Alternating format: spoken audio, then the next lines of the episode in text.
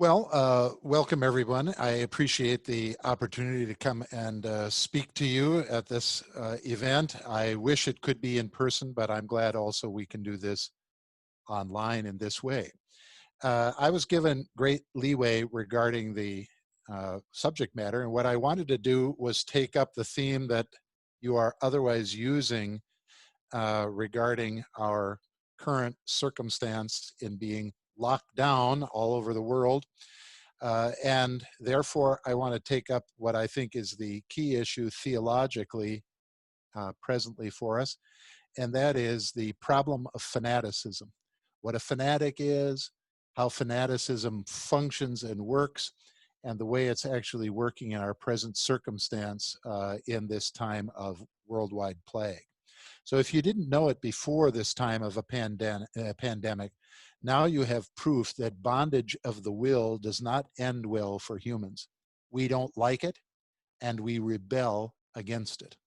So we hate lockdowns.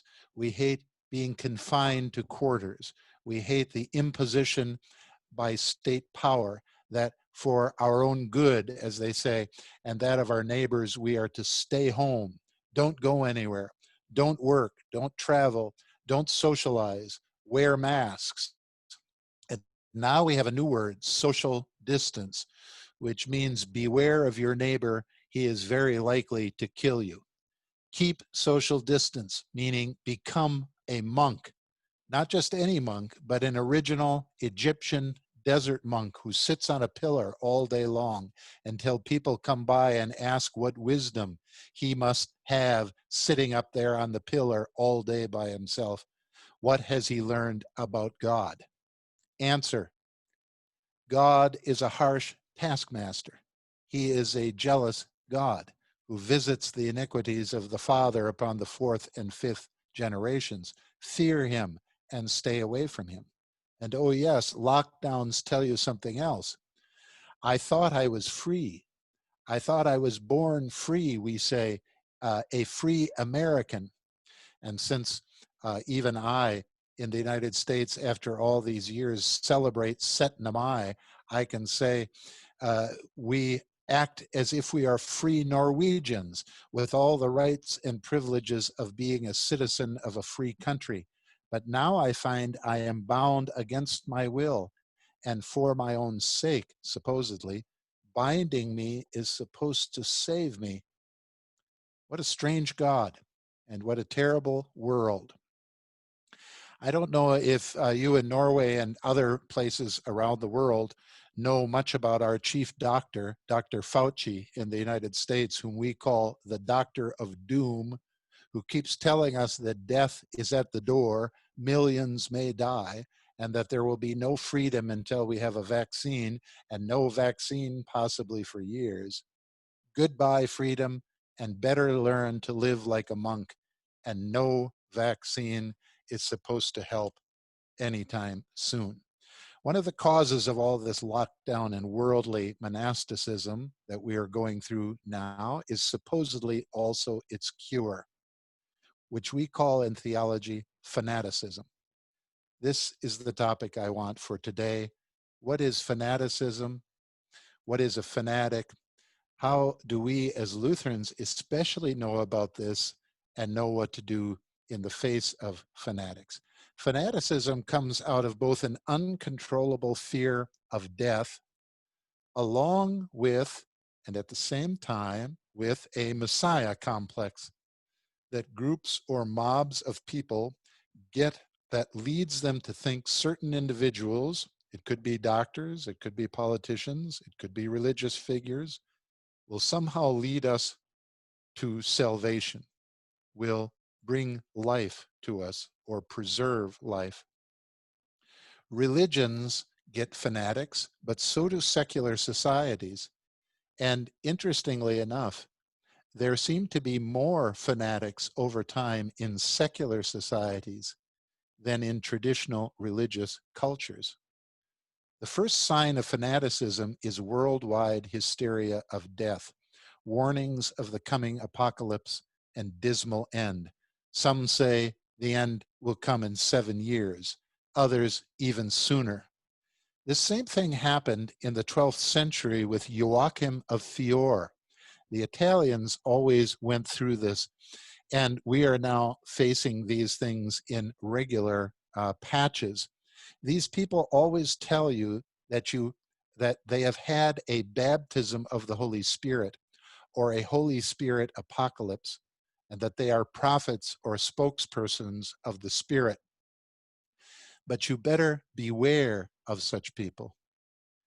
The second sign of fanaticism is rebellion over being bound, breaking out in hordes and mobs that refuse to be locked down, refuse to be imprisoned, and refuse to be confined, whatever the cost. Life must win over death, even if we die trying to restore life. We must be free. We will get our freedom at any cost. When the whole world is caught up in fanaticism, as we're finding right now, the only ones who know what to do are Christians who have many times come upon this phenomenon before. But not just any Christians, you Lutherans in particular have something to offer here. Because you have a true evangelical theology which must come out in times of fanaticism to identify the problem of what a fanatic is, to identify who fanatics are, and finally offer the only cure. The cure of fanaticism is neither greater lockdowns nor greater rebellion. It is this simple word faith. Along with the singular product of that faith, which everyone wants to get but cannot figure out how to produce it, that is, the love that comes from faith. Faith alone survives the devil's attack of worldwide fanaticism, and it alone has the antidote that actually protects and fosters life in the neighbor, who otherwise is swinging wildly between trying to obey the law, locking down everything and everyone, and at the same time trying to revolt and rebel and tear down the law, which comes to be seen as the higher and worse calamity in life than even dying itself. But you should notice, as Luther did in his day, that fanaticism is a special form of the devil's attack. Luther calls it a flank attack. That means a sideways or surprising attack. The devil makes this attack and the death that ensues from it by actually coming at us in a surprising way. Uh, that is, by telling us that society has some kind of systemic evil in it, which he can cure, which he can purge from the world. That is, the law that you're experiencing presently is not working very well, but I can give you a better one. So we Lutherans have to speak up now as the voices both of salvation and of calm reason in the face of these two things the attempt to use the law to save you, which is typical of fanatics, and secondly, the revolution against the law altogether when it clearly does not save you. The only thing the world knows, after all, is the law. And if locking you down won't save you, then neither is tearing down the law itself any way to make you free. The law has a place which only the Christian who has been freed eternally from the law understands. But the place of the law is not in your conscience. It is not as your Savior. And the law never did make anyone free or give anyone eternal life. Law was never given to us for those purposes. Only Jesus Christ Himself saves anyone through the opposite word to the law which is not anarchy and lawlessness as the world thinks. The world thinks there are only laws and lawlessness. But the gospel is something entirely different, which is the forgiveness of sin and the end of law in Christ and in Him alone. Galatians 3:25 is where Paul sums this up in a very short phrase. He says, "The law until Christ."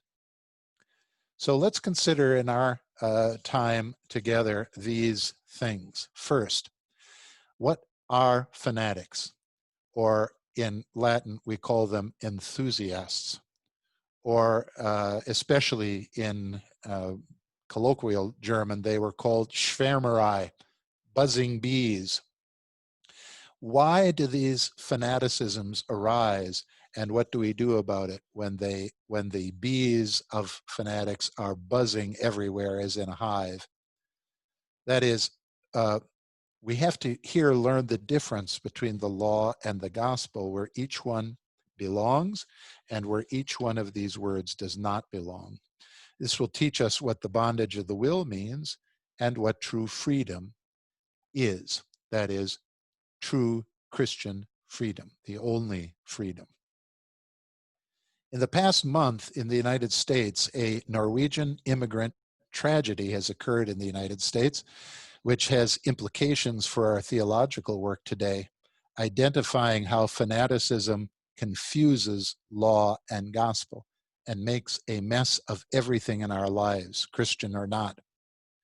In the capital city of Madison, Wisconsin, which is in the area where the earliest Norwegian immigrants settled in Blue Mounds, Stoughton, and what we jokingly call the Norwegian Ozarks, one of the few statues in America dedicated to the memory of an, a Norwegian immigrant by the name of Hans Heg was pulled down in a riot. He was beheaded and thrown into the waters of Lake Mendota in Madison, where I used to swim and fish. Hans Heg was the Union colonel of the famous 15th Wisconsin Volunteer uh, Infantry, the only Scandinavian unit in the Civil War. It fought valiantly in the Civil War for the Union and to end slavery. I have to say, at least uh, by, uh, uh by the artist of the statue, Hans Heg, Hans Heg was a handsome man, perhaps overly tall, uh, Norwegian, as most Norwegian men are, resplendent in his blue military dress. And it was rather shocking for me to see him on the news beheaded and laying in the shallow water of a lake in Madison, Wisconsin. This is actually a, an act that we call in theology iconoclasm. Iconoclasm has a long and dreadful history in the church and elsewhere. Iconoclasm simply means the tearing down of statues or images, icons as they are called, and therefore being against such icons. The iconoclasts in this particular case in Madison declared that Hans Heg stood not for freeing slaves, but for something called systemic racism, even though he did, in fact, fight for the Union cause and gave his own life in doing so. They understood that the monument was to a colonial white male power that has forced itself upon the weak in the form of the imperial structure of financial capitalism. And if you can believe this, the reason that the statue was finally pulled down was to destroy systemic racism on the basis of capitalism. The idiocy and ignorance of fanaticism knows almost no bounds. Even while their moral self righteousness for their cause to bring justice on earth is even more boundless than their ignorance.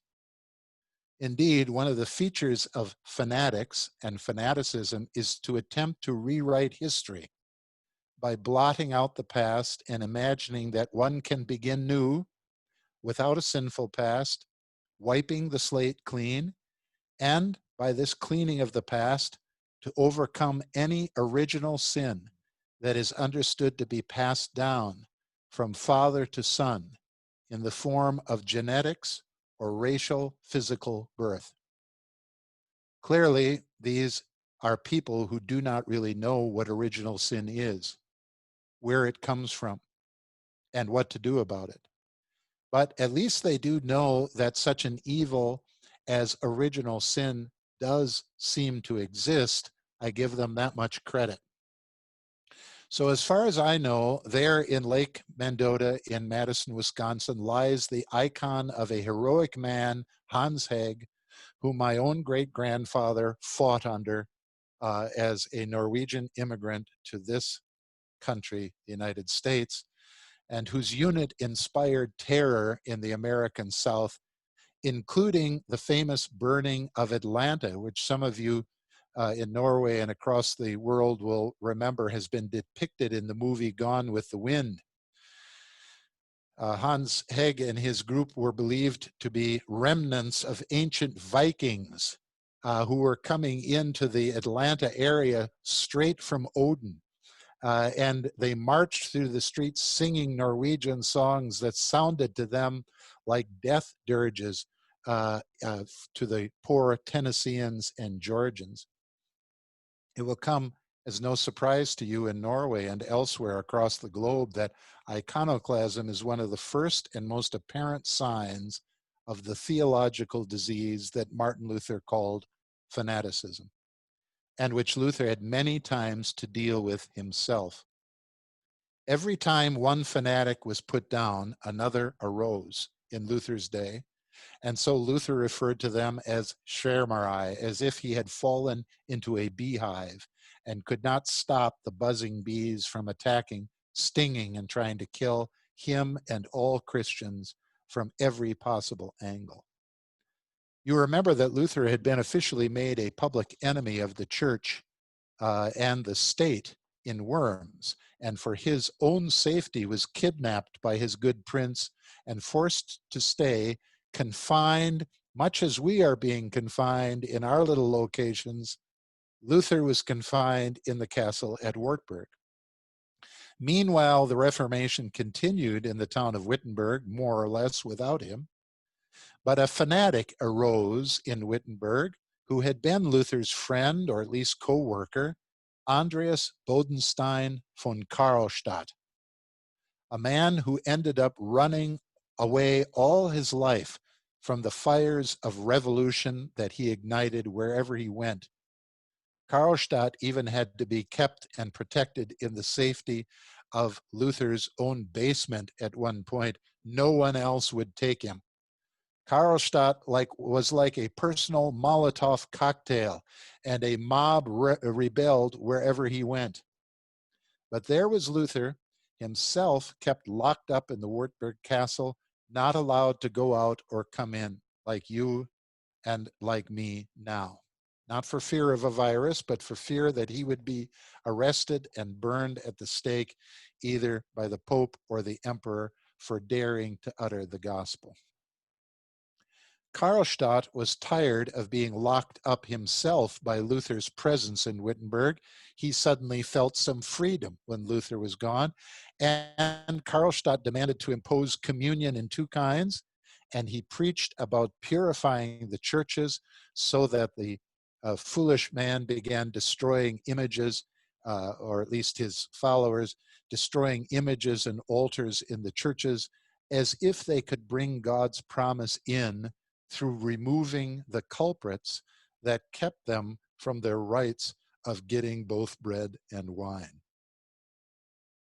Karlstadt taught a direct, unmediated, inner illumination of the Spirit.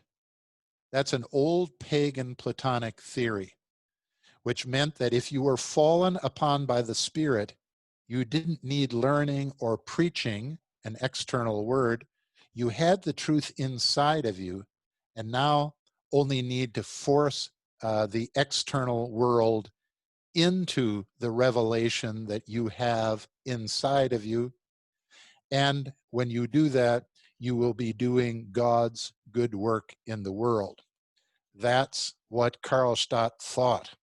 Why bother with schools and universities once you have a direct spiritualist who has been illuminated from inside by the power of the Spirit which can be seen in the bold steps of power that would clean sin out and replace it with new, pure, godly order. That is, for someone like uh, Karlstadt, God would reform uh, this old world uh, by making a new political order. Likewise, at the same time, or nearly the same time, uh, a set of Zwickau prophets, pro, uh, so-called prophets coming from the town of Zwickau by the name of Storch uh, and Drechsel and Stübner, who are all tied in with Thomas Munzer. Thomas Munzer is set to become the greatest fanatic of all time uh, in the uh, moment that we're speaking of here in 1522 uh, all of these people began to infest uh, the uh, town of Wittenberg, and Luther began to catch wind of this. They all thought that they had been given a power of the Holy Spirit inside themselves, and they all began doing the same thing. They rejected infant baptism. They rid themselves of Christ's incarnate body in the Lord's Supper and began turning the Lord's Supper into a sign and then they began to tear down the statues of saints and altars. Then they imposed a new, what they considered to be correct liturgy. And then they went about imposing a new world order on society, on what they thought was the basic principle of God's law equality for all within the group, which meant for them economic, political equality especially for working peasants. That's the way. That's the direction that this fanaticism would go in Luther's own day, and in uh, approximately uh, merely three years, the present the peasant revolt is going to nearly destroy Europe itself in this um, form of fanaticism. And as fanatics always say, they want this uh, equality done immediately. No waiting. They want it done suddenly.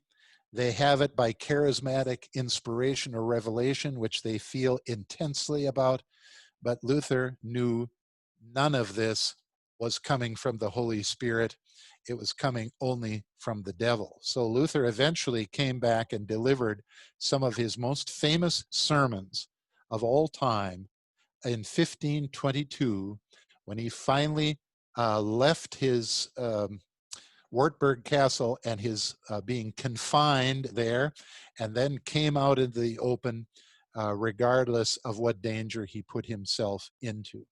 And there in 1522, uh, the first thing he did was uh, preach eight sermons for eight days in a row called the Invocavit sermons.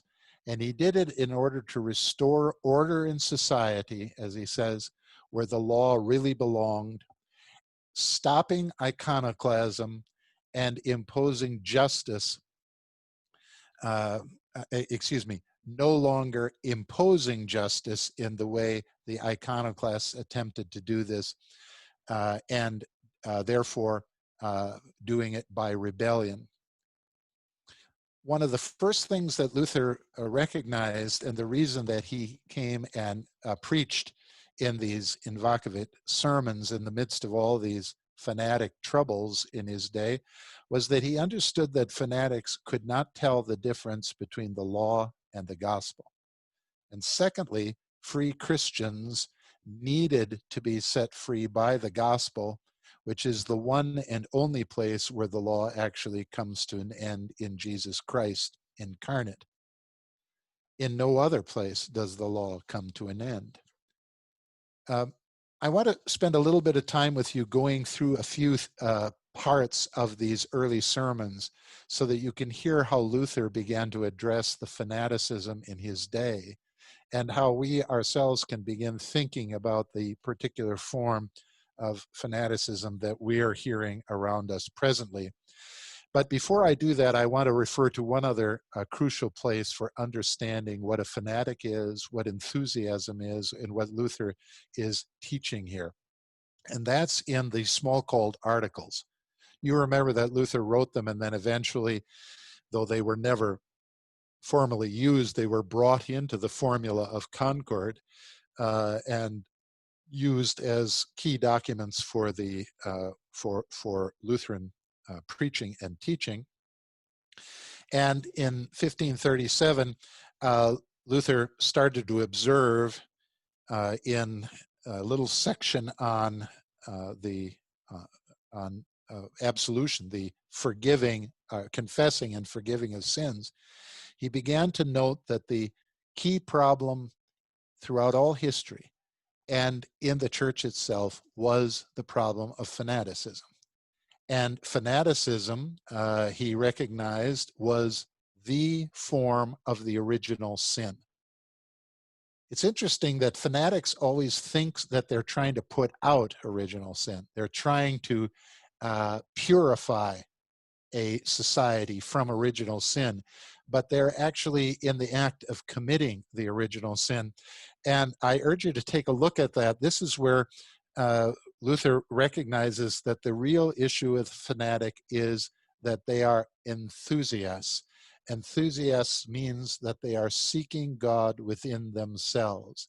And when they are seeking God within themselves, they are no longer able to hear an external word. So Luther does a very good job in a short period of time there describing what an external word is, why fanatics don't want it, and the difficulty they have uh, consequently because they are seeking the God within. His two main figures in that uh, uh, uh at that time in the Smalcald articles were uh, Thomas Munzer, who led the peasant revolt, and then ended up destroying, nearly destroying Europe because of it, uh, and the Pope. And Luther says they are both doing the same thing, though they have used somewhat different techniques. Well, in any case, uh, there in the Smalcald articles, Luther lays out the marks of what a fanatic or enthusiast is. Let me give those to you, and then if I have a little bit of time, I'll take you through a few items from Luther's Invocavit uh, sermons. The first mark of a fanatic or enthusiast is the rejection of a local preacher and putting in place of a local preacher someone that they consider to be a heroic, spirit filled man that we usually call a charismatic individual. That is, you get rid of your local preacher who you think is kind of uh, uh, insignificant and um, uh, not very exciting, and you put in his place somebody that you think is an exciting, charismatic individual. The second mark of a fanatic is violent rebellion that begins to come uh, from his preaching, specifically uh, uh, by way of saying that rebellion against the government will be the way to peace uh, it's interesting that uh, the American Revolution, the French Revolution, the Peasants' Revolution, all have a role to play here. It would be interesting uh, another time to take up a few of the issues that come from that. But I'm simply going to say here that one of one of the results of a uh, of a uh, an enthusiast, a fanatic, is to foment rebellion as if that is going to uh, create a better world. The third uh, sign is the issue of icons and what they do with icons. Icons, statues, or uh, other um, uh, indications uh, of what are considered to be uh, heroes or important figures are understood to be problematic. And therefore, uh, God cannot and will not use icons as a way of revealing himself. Uh, icons finally have to be destroyed. This is what it means then to be an iconoclast.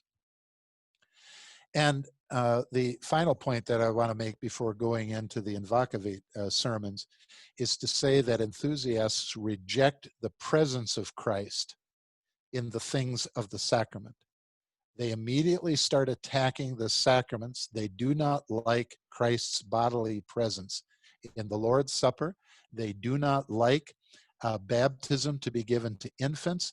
They do not want absolution to be given publicly. And in point of fact, they don't think uh, absolution should be given privately as well. So fanatics always end up in the church attacking the sacraments, which is exactly what Luther saw happen when he was away from Wittenberg and the reason that he had to come back and give his Invocavit sermons. So let me take you uh, through a, a, little bit of a sermon or two from Luther here uh, in 1522, his Invocavit sermons, which he began to preach in March uh, 9th of 1522. And uh, his first sermon begins with the stunning words, the summons of death comes to us all, and no one can die for another. Everyone must fight his own battle with death by himself alone.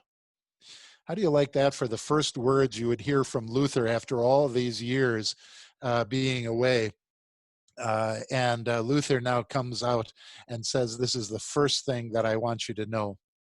Uh, and the second thing he says is, Not only are all of you going to die, and each of you have to fight your own battle in regard to death, but you can't shout into another person's ears. This is the second thing he says. You're not going to be able to uh, purify or improve somebody simply by shouting into their ears. The group cannot compel the individual, especially when it comes to the ultimate matters in life, or better, when it comes to death and our final judgment before God. The group uh, is not what God is interested in. God is interested in the individual. Now, why does Luther uh, talk about this in this way. He does it because fanaticism always begins as a swarming group of bees. And it always says, in one way or another, that the group is more important than the individual.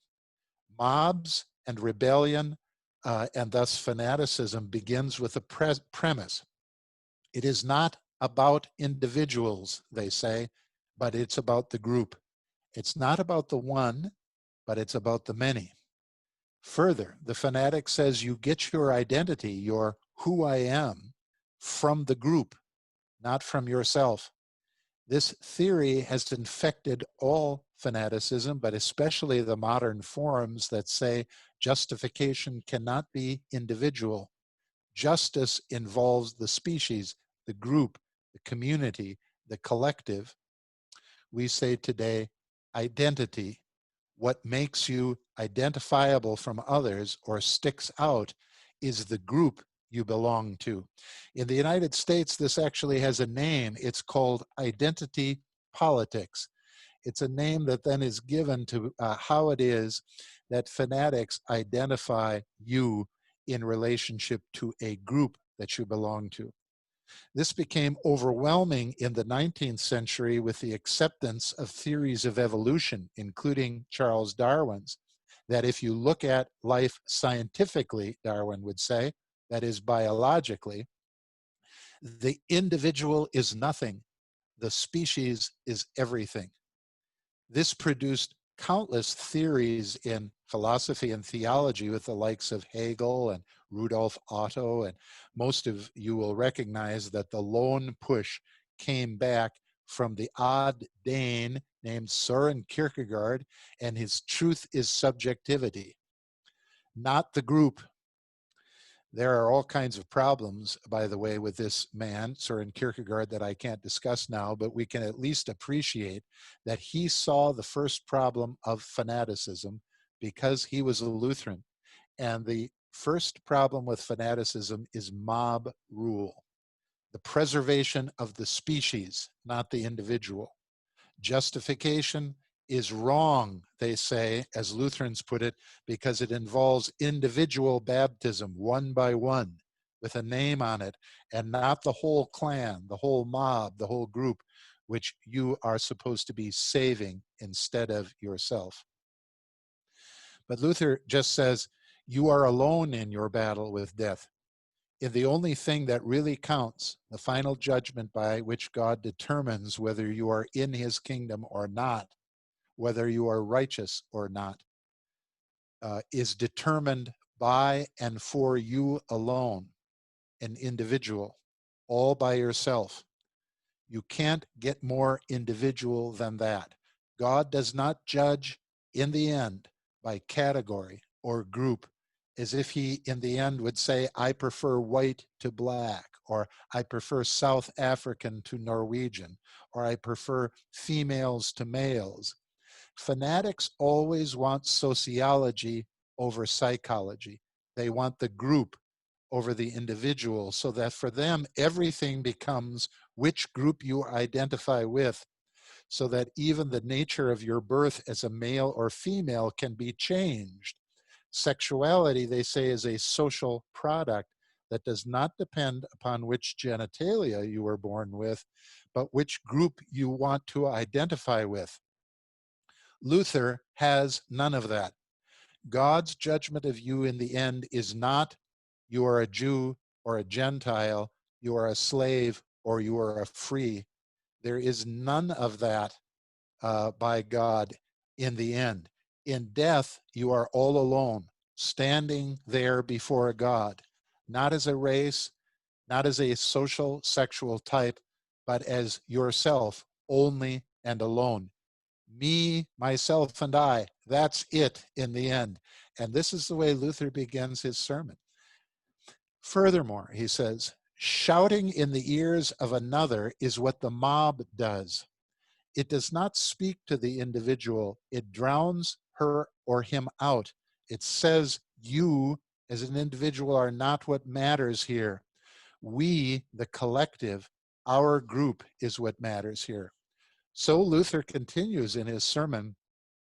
You better be armed, he says, with the chief things a Christian needs to know, and which I have already taught you. Then he goes on to say, But I'm back to bring you to reality again, what is likely, what it is going to be like between you and God on the final judgment day.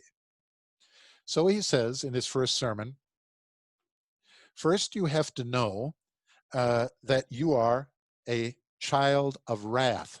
This is Ephesians 2, 2 3. You are not children of privilege or of victimhood before God. You were not born into glory or into impoverishment. You were not created good and therefore God thinks you have good stuff. And then you have to figure out how to restore equality among people you can't come before God and say, I have built an altar or I have given to this worthy foundation. You don't stand before God at your death and say, the arc of history is long, but it bends toward justice. Or, I am with the poor, not with the rich. Shouldn't that count for something? Not only are you alone before God, but you stand there under his wrath. I don't care to whom you were born or what you did with your life and what foundations you contributed to. Original sin is that you were born uh, uh, not simply into poverty or into richness, but you were born into God's wrath, which means that you had no preacher and therefore no word from God and therefore no trust in this God, which is something that you could cling to.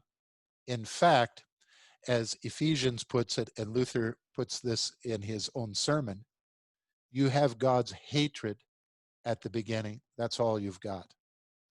Now, if that's all you knew, uh, that there really is original sin and you are born into God's wrath, you would be most to be pitied. Poor you. If that's all a Christian knew, then we would know the terrible truth that we are not uh, born some sort of good and holy creatures, uh, that God somehow looks down on us favorably in all and every case. But that is not all that we know. We know a second thing that is, that God has sent his only begotten Son. Why has God sent his only begotten Son? To lead the mob into revolution in order to purify the church? and bring justice into the world? Is that why God has sent his only begotten Son? No, Luther says. That's not why God has sent his only begotten Son. He sent him so that we may believe in him, that whoever trusts in him shall be free from sin and a child of God. How then do Christians get free? By destroying your Lord and Master? By refusing to be enslaved? By fighting powerlessness? By becoming empowered? No. Instead, you will be free from sin, that is God's wrath, only by believing Christ's name. He gives the power to be children of God. But to believe his name, someone had to come and give that name of Jesus Christ to you. You're never going to think it up. You're never going to know it. It's not going to be inside you. Fanatics always think God is already inside you. He is not. He has to come to you from the outside. Therefore, in order to believe his name, somebody has to tell you his name. And in order to get his name, somebody had to come from outside of you uh, in an external word. And this is not in the word of law, but this particular promise, I forgive you, which suddenly, without effort and without the law at all, made me no longer a child of wrath, but a child of God, Luther says. That's how I became a child of God. And that, he says to his congregation, is the way you can become a child of God as well. But then he says uh, in his sermon, not only did you know what orig- uh, not know what original sin is, and I've just told you it.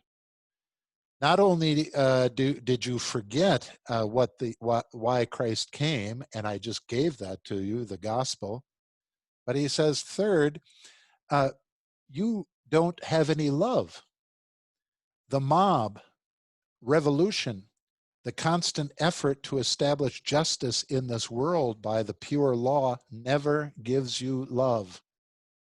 Do you know what that stuff gives? The mob, revolution, trying to establish justice in this world, it does not produce love, it produces hate.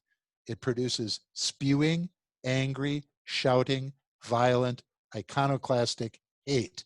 And Luther says that's what is going on in Wittenberg, and it's got to come to an end. Paul said it best without love, faith is nothing. That's 1 Corinthians 13. You remember this. This does not mean that love saves you rather than faith, uh, like the fanatics think. Fanatics think love is the big thing in life, and that the measure of God's judgment in the end is how much you have loved the poor. But this is not what love actually is. Faith is the thing that makes you righteous, it is the thing that saves you. Faith is not a starting point in life and then you grow into love. Instead, love is the fruit of faith. And uh, Luther says, until you learn that, none of you are actually going to be loving anyone else in your church or in the city of Wittenberg. So Luther knew against the fanatics that you will never get love by having you try to love harder, intend to love, strive to love. In particular, you will never get love by trying to love the group, love the idea, love the abstraction, the species, uh, instead of the individual, such as I love all people or I love the class of, uh, of uh, uh, workers. You will never get love from the law in this way.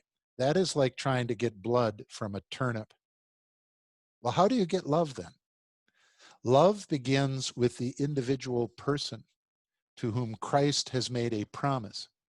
Faith clings to that promise of forgiveness and frees the individual from the fear of God's wrath, the fear of death, and the fear of final judgment.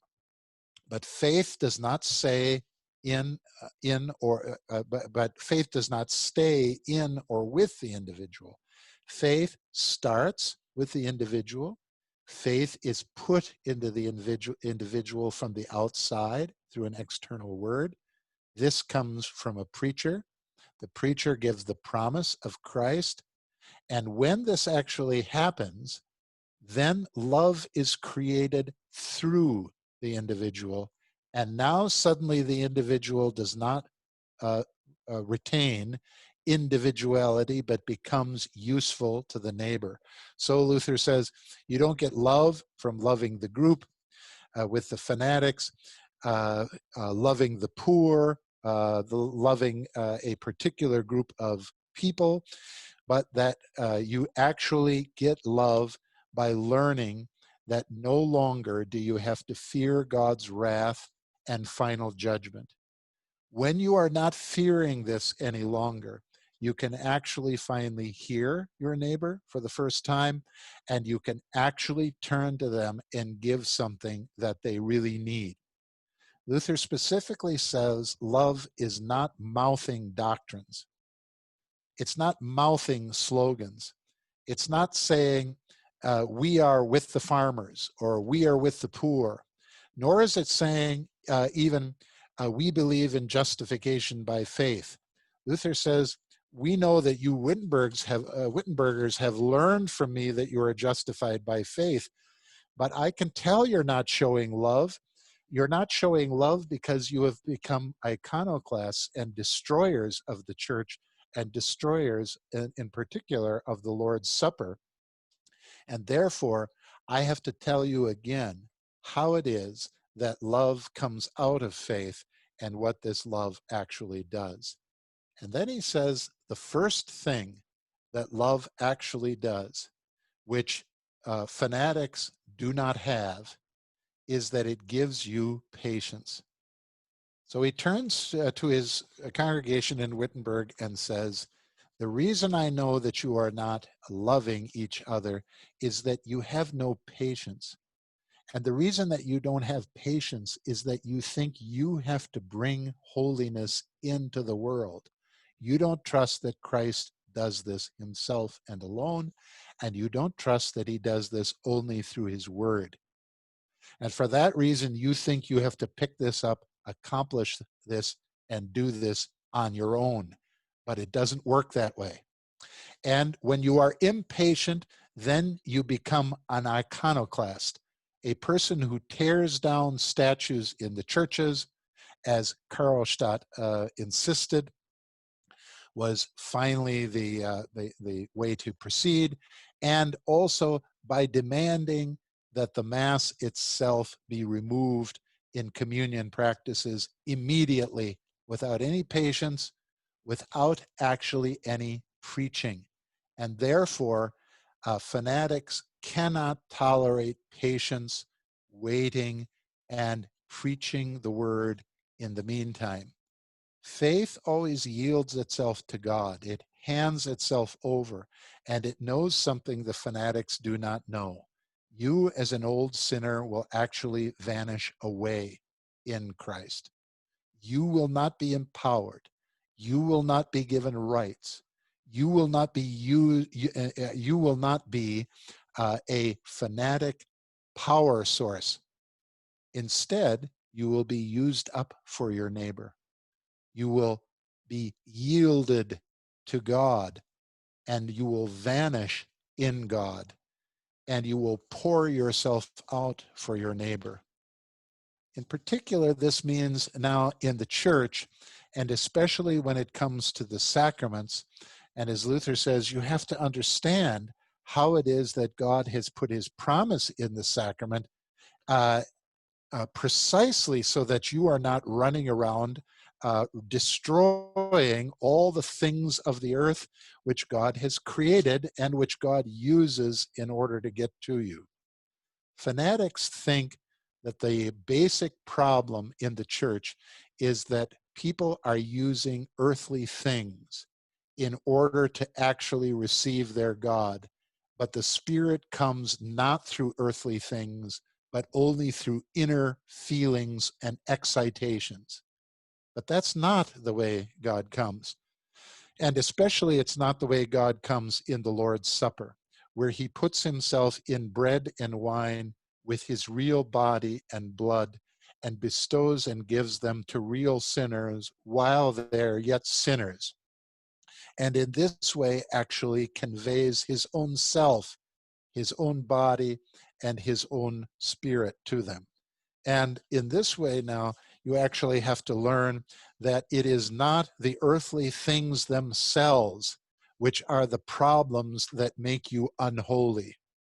Instead, it is your abuse and misuse of them so that you do not hear the particular word of promise that God has put into them. In that way, you have to relearn how it is that God sends a preacher to you with an external word, and he puts them in such things as the Lord's Supper, baptism, uh, public absolution, private absolution, and in this way, he actually finally takes out the original sin that has been in you all along.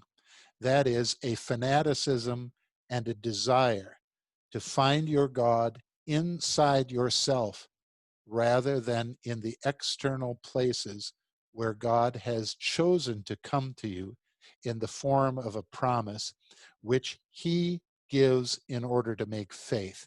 And when He does this, He will make you just apart from all the things that you think are necessary in order to become holy before God.